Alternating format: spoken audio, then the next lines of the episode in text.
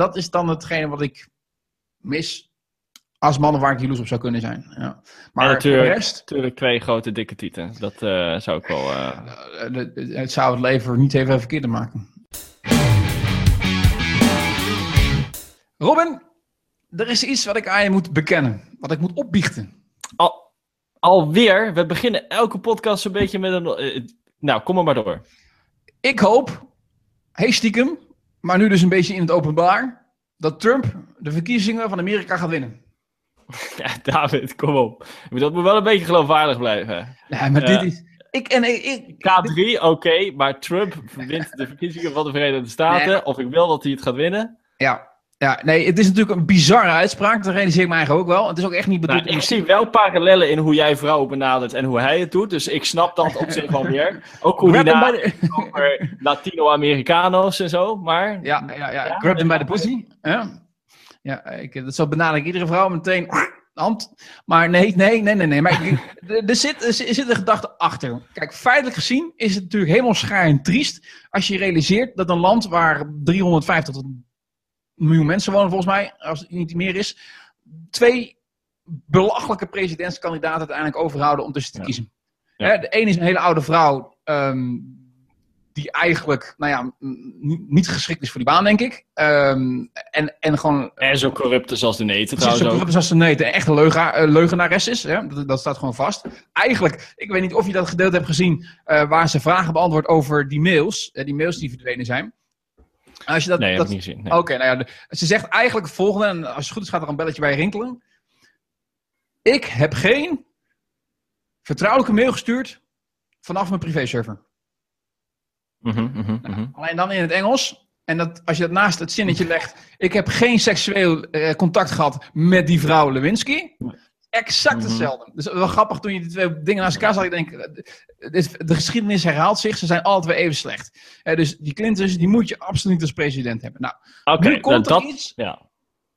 Zij is de oude politiek. Zoals ik het zie.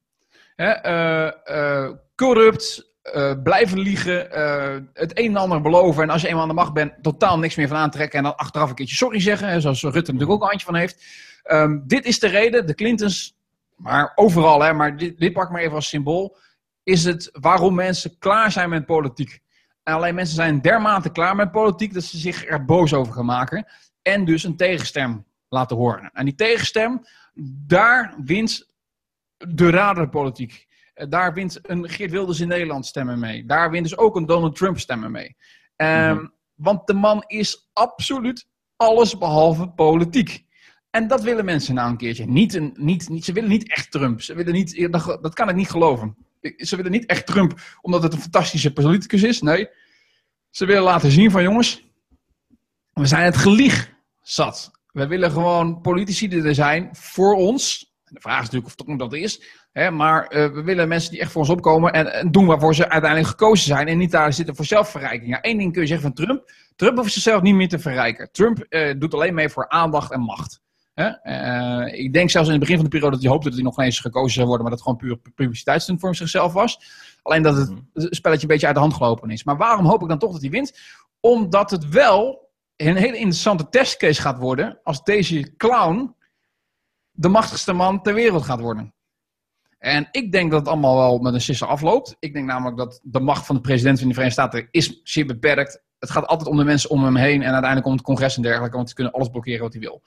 Dus je kunt helemaal niet, je hebt helemaal niet zoveel macht. Je noemt het de machtigste man op aarde, maar feitelijk gezien moet je de boel alleen een beetje aansturen en moet je een beetje eh, nou ja, eh, een, een bepaalde lijn uitzetten, zeg maar, die, die vier jaar lang gevolgd wordt. Maar het is echt niet zo dat hij gaat bepalen wat, wat Amerika 100% gaat doen. Er moet altijd nog eh, een plasje overheen van anderen. Maar het geeft wel aan, het zou wel interessant wezen om maar eens te laten zien. Iemand die dus niet aan die politieke correctheid doet, die niet aan die spelletjes doet, die gewoon zegt wat hij denkt. En even los van het feit dat dat even slim is eh, in zijn geval, wat hij denkt. Maar ehm, dat wel uit. En eh, dat je daarmee moet doen. Hè, dus dat die politiek... Maar stel je voor, hè? Ja. Stel je voor dat jij zou mogen stemmen. Mhm. Jij, Amerikaans paspoort, je mag stemmen. Zou je dan ook echt op Trump stemmen? Ik vind dat zo'n verschrikkelijk moeilijke vraag. Omdat ik eigenlijk met uh, mijn rationele tijd wil stemmen. Dat je denkt van ja, weet je wat, dan kies ik maar de minst slechte van de twee. Dat is in dit geval toch Clinton, zou je denken. Er zijn er nog drie of zo, geloof ik. Maar... Ja, nee, okay, maar ik zou liever nu helemaal niet stemmen eigenlijk. Uh, terwijl dat eigenlijk tegen mijn, uh, ja, mijn principe ingaat. Ik vind stemmen, dat is een recht wat je hebt verworven, dus daar moet je ook gebruik van maken. Maar, maar begrijp je een klein beetje wat ik doe? De, de politiek heeft zichzelf op een punt gebracht dat het ongeloofwaardig is geworden. Maar wat je eigenlijk zegt, is dat wat alle continu maar in de media wordt geroepen. Namelijk dat Trump zo ontzettend gevaarlijk is en die man mag niet met zijn knoppen achter de. Of de, ja, dat geloof ik dus niet. Dat is, dat is bangmakerij. Dat is echt gelul, dat is oude politiek. Dat is een soort van Rusland die zegt van dit is niet goed, dit is niet goed, dit is niet goed. Of, of die zegt van nee hoor, wij hebben helemaal geen vliegtuig teruggeschoten. Nee hoor, dat zijn Oekraïne geweest. Ja, die bewijzen jullie hebben, die kloppen niet. Die zijn vals, want wij hebben deze bewijzen. Dus jij vindt hem je vindt hem eigenlijk niet. Wat je eigenlijk zegt is: je vindt hem helemaal niet zo gevaarlijk als dat mensen. Absoluut niet. Hij is zeker niet zo gevaarlijk als hij is. Eén, omdat hij nooit zoveel macht krijgt als, als er nu geroepen wordt. En twee, denk ik dat de man toch mensen om zich heen heeft die een stuk slimmer zijn dan ze nu doen voorkomen. Alleen dat dit wel een tactiek is om een bepaalde Amerikaanse groepering voor hem te winnen.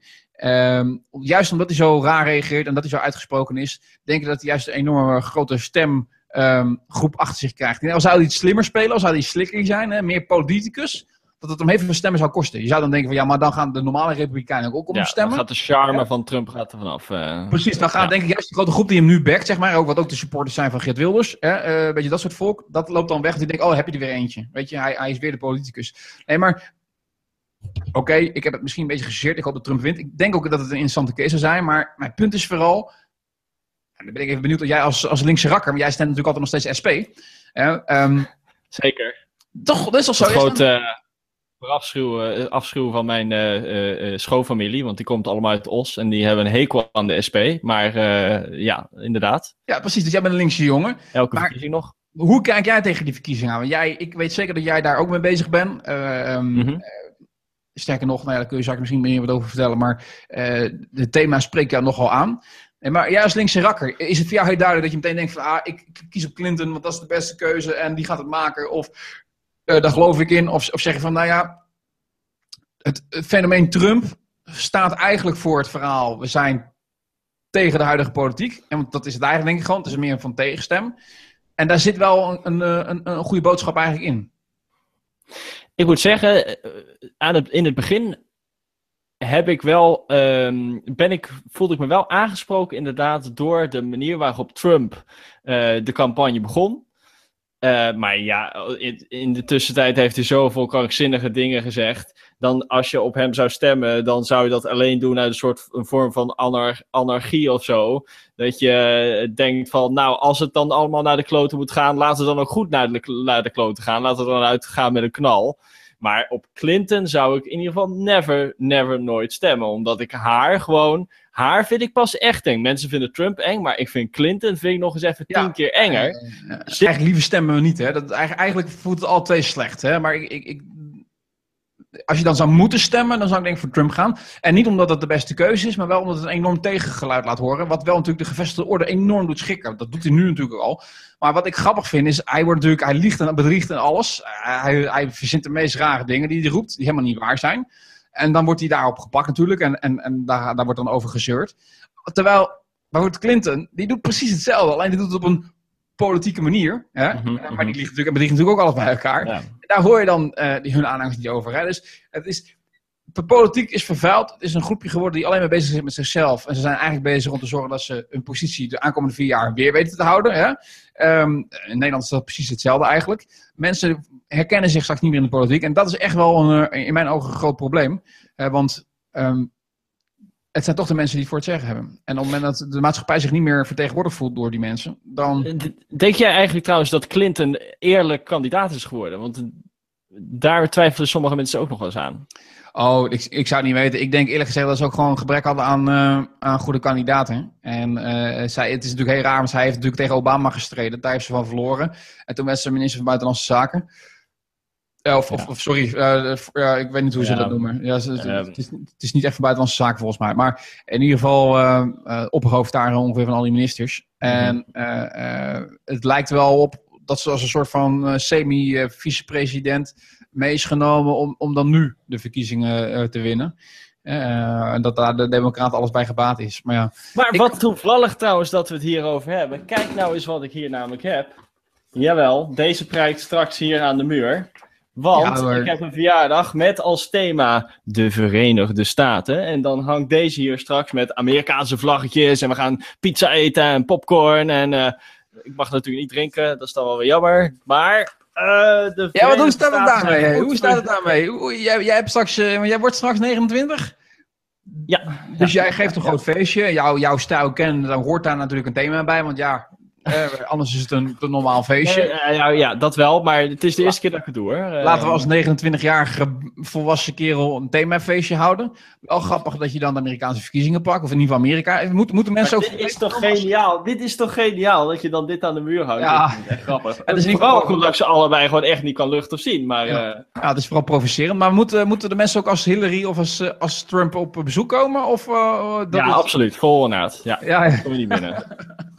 Hey, maar je, zei net zelf al een beetje van. We hebben natuurlijk in een van de eerste afleveringen te horen gekregen dat je gestopt bent met drinken. Uh, straks heb je een feestje, mag je zelf niet drinken. Uh, hoe, hoe, kijk je daar tegenaan? Wordt het een zware dobber? Of, of, is het nog steeds een zware dobber? Ik zag laatst op social media voorbij komen. Ik heb vannacht gedroomd van bier met slagroom. Ik bedoel, je bent nog steeds aan het afkicken dus. Ja, dat is wel blijkbaar wel een, uh, een afkikverschijnsel, ja. Dat was echt wel bijzonder.